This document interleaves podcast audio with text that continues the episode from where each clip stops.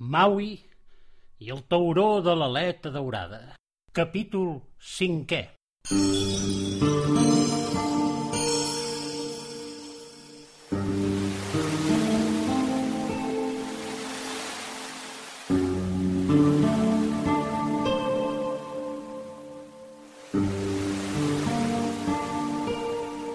Aquestes són les tres històries que Cala, Mauna i Àpia van explicar a Maui del seu fantàstic viatge després de ser xuclats per la paret de llum del cub. Història de Cala. Després de sortir del cub xuclat per una força estranya, res no recordo de cap viatge. Només sé que de cop i volta m'he trobat dins la meva barca enmig de l'oceà. Allí he llançat la xarxa i he recollit un munt de peixos, tants que ja no m'hi cabien a la barca. Per això he decidit tornar a port per demanar ajuda. Però en arribar, aquella pesca que havia fet havia desaparegut. En tornar a sortir aquest cop amb dues barques, la meva i la d'un altre pescador, hem pescat un munt de peixos, tants que no hi cabien dins les dues barques. Aleshores hem tornat de nou a port per demanar més ajut, però en arribar, la pesca havia tornat a desaparèixer. De nou hem sortit a alta mar, aquest cop amb tres barques, i de nou ens ha passat el mateix, i així fins a onze vegades. Amb la barca que feia dotze també hem arreplegat un munt de peixos i, abans de tornar, hem pensat de llançar de nou la xarxa per veure si en quedaven més de peixos. I no, que no en quedaven ni un. Aleshores he lligat totes dotze barques amb una corda que hi havia penjada al cap de mort de la meva barca, l'una amb l'altra, i hem pres rumb a no sé ben bé quin lloc, perquè de cop i volta m'he trobat caient al gorg de la mà de Mauna i Àpia.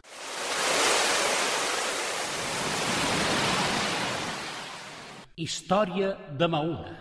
A mi m'ha passat com a cala. No recordo res de cap viatge, però de sobte m'he trobat enmig de la selva i al costat d'un ancià que m'ha donat el seu arc i la seva fletxa. De seguida he pensat que era el vell Baea, el caçador d'estels. No m'ha saludat ni m'ha dit res, solament m'ha indicat que per allí a prop hi passava un gros animal i m'ha convidat a caçar-lo. Jo he tensat l'arc i he disparat la fletxa i bon punt l'he tocat L'animal ha desaparegut com per art d'encanteri. Així hem estat una bona estona, disparant fletxes i fent desaparèixer tota mena d'animals que es bellugaven dins la selva. I per moltes fletxes que llancés, sempre n'hi havia una a punt a l'art tensat.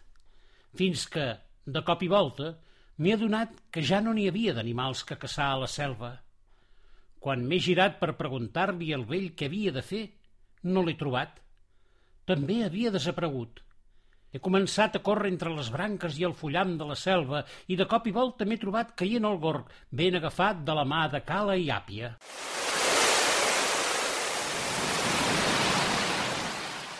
Jo tampoc recordo cap mena de viatge.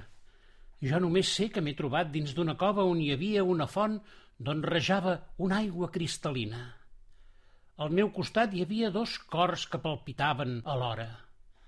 Tot estava cobert per una bromera i una mena de núvol que sortia d'aquella font.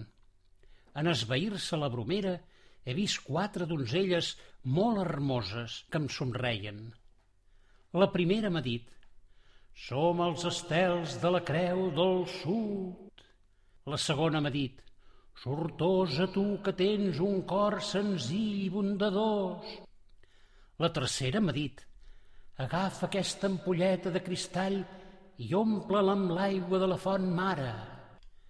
I la darrera m'ha dit, agafa ben fort aquests dos cors que palpiten i aquests estris, l'arc, la fletxa i la corda de Baea, i salta qualsevol dels cinc rius que neixen de la font mare.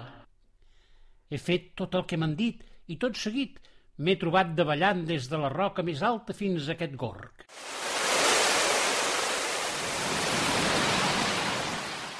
Els quatre amics es van mirar encuriosits. Cap d'ells entenia el significat de les seves històries. El que sí era cert és que Àpia duia a les seves espatlles una corda, l'arc i les fletxes, suposadament de Baea. Potser, va dir Maui, l'estel missatger de la Creu del Sud ens ha deixat un missatge al tendal que varen posar al turó i van anar a desplegar el tendal i per sorpresa seva van veure que aquella roba de quatre metres quadrats s'havia encongit i mesurava poc més de dos pams per banda. Això sí, conservava al vell mig el forat que havia fet l'estel missatger, però de les cremades que suposadament havien deixat el plogim de Guspires, res de res. En l'entusiasme de la narració dels quatre amics, una cosa els havia passat inadvertida. Tots quatre havien canviat. La primera en adonar-se va ser Àpia. Els tres nois els hi havia crescut la barba i els cabells. Era una barba incipient que enfosquia les seves cares. Quan Api els hi va fer notar, de seguida anaren a mirar-se la cara reflectida a l'aigua. Era cert, i no només la barba i els cabells eren diferents, també el seu cos s'havia engrandit fins al punt que les robes que duien els venien petites. Àpia també havia canviat. Les seves formes senzilles d'una nena de deu anys ara eren més voluptuoses. Els pits li havien crescut, així com els malucs, i els seus cabells desendreçats de nen entremaliada ara li queien com una cascada per les espatlles. «Què ens ha passat?» va dir Maui. «Sembla com si ens haguessin fet grans de cop i volta. Fins i tot el meu cap pensa de manera diferent». «Què vols dir?» va preguntar Àpia. «No ho sé ben bé. Veus, si ara em diguessis de llançar-me des de la roca del Gorg, et diria que no, que és massa perillós. I ara jo sí que m'hi llançaria, va dir Àpia tot fent un gest per anar-hi. No ens amoïnem ara, va dir Acala. Segur que Caupo ens donarà la resposta. Potser, va afegir Mauna, amb veu severa, ha caigut damunt nostre una maledicció i ara ens farem vells en un tres i no res. Les hores seran anys per a nosaltres i abans d'arribar a casa morirem pel camí. Quina ximpleria, digué Àpia. Jo no em penso morir pel camí. Però si és cert que estem maleïts, donem-nos pressa i tornem per morir entre els nostres. Sense dir un sol mot, tots replegaren les motxilles. Àpia va donar la corda a Cala i l'art de fletxes Mauna. Maui va protegir el tros de tendal que quedava embolicant-lo amb fulles, molt ben plegat, i el va posar dins la seva motxilla. Àpia va repassar els trofeus que duia dins la bosseta de pell de foca, la fulla de l'arbre del pa, l'ull vidrat del ratpenat i l'ampolleta amb l'aigua de la font mare que li havien donat les quatre estrelles de la Creu del Sud i se la va penjar al coll. Llestos i avillats per la tornada, emprengueren camí. No crec pas conèixer ningú que hagi fet tanta via travessant la selva com la que van fer els quatre amics. Els matxets dels nois anaven que volaven obrint-se pas per entre la fullaraca i les lianes. Ben cert que tenien pressa. La idea de Mauna d'envellir els esperonava, i en un sol dia sortiren de la selva i arribaren a la muntanya des d'on es veia el seu poblat vora el mar. D'allí estant encara els quedava tot un dia i una nit de camí per arribar, i a més estaven exhaus per l'esforç realitzat. El que sí era cert és que els seus cabells i les seves barbes anaven creixent, no pas amb rapidesa predita per Mauna, però en tot cas ells s'havien fet més grans a mida que havien avançat per la selva. Maui va proposar de passar la nit en un prat que hi havia dalt d'aquella muntanya. Van encendre el foc i van seure a redós, tot mirant-se els uns als altres. Dels quatre, Àpia era la que havia envellit més. Començava a tenir la pell rebregada i els ulls enfonsats talment com els tenen els vells del poble. La seva veu era fonda i rellentida, i respirava a poc a poc com si li faltés l'aire.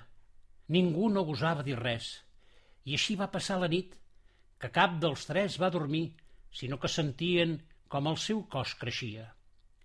A punt d'albada, els quatre van sortir de les seves flaçades disposats a seguir el camí. Aleshores, Api els va aturar i va dir-los «És hora que me'n vagi». Tot el que havia de fer ja ho he fet. D'aquí una estona el meu cos esdevindrà un remolí de sorra blanca que es confondrà amb la boirina de l'alba. No patiu per mi ni us lamenteu. Hem viscut plegats una vella aventura i això és el que val. Què seria dels humans si no compartíssim aventures?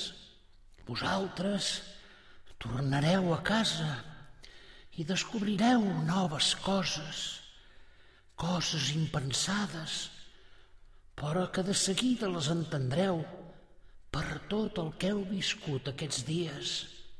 Jo formaré part de vosaltres com vosaltres ho heu estat de mi. Els tres sou els escollits i heu de ser dignes d'aquesta elecció. Fins ben aviat, perquè ens retrobarem allí on em busqueu. I tot d'una, el cos d'àpia va començar a transformar-se en un remolí de sorra blanca que s'enlairava en espiral cap al cel, alhora que la primera claror del dia apareixia i l'escalfor de la terra aixecava les bromes de l'albada. Els tres nois defalliren tot just àpia començava a fer-se fum i no es van despertar fins ben entrat el dia.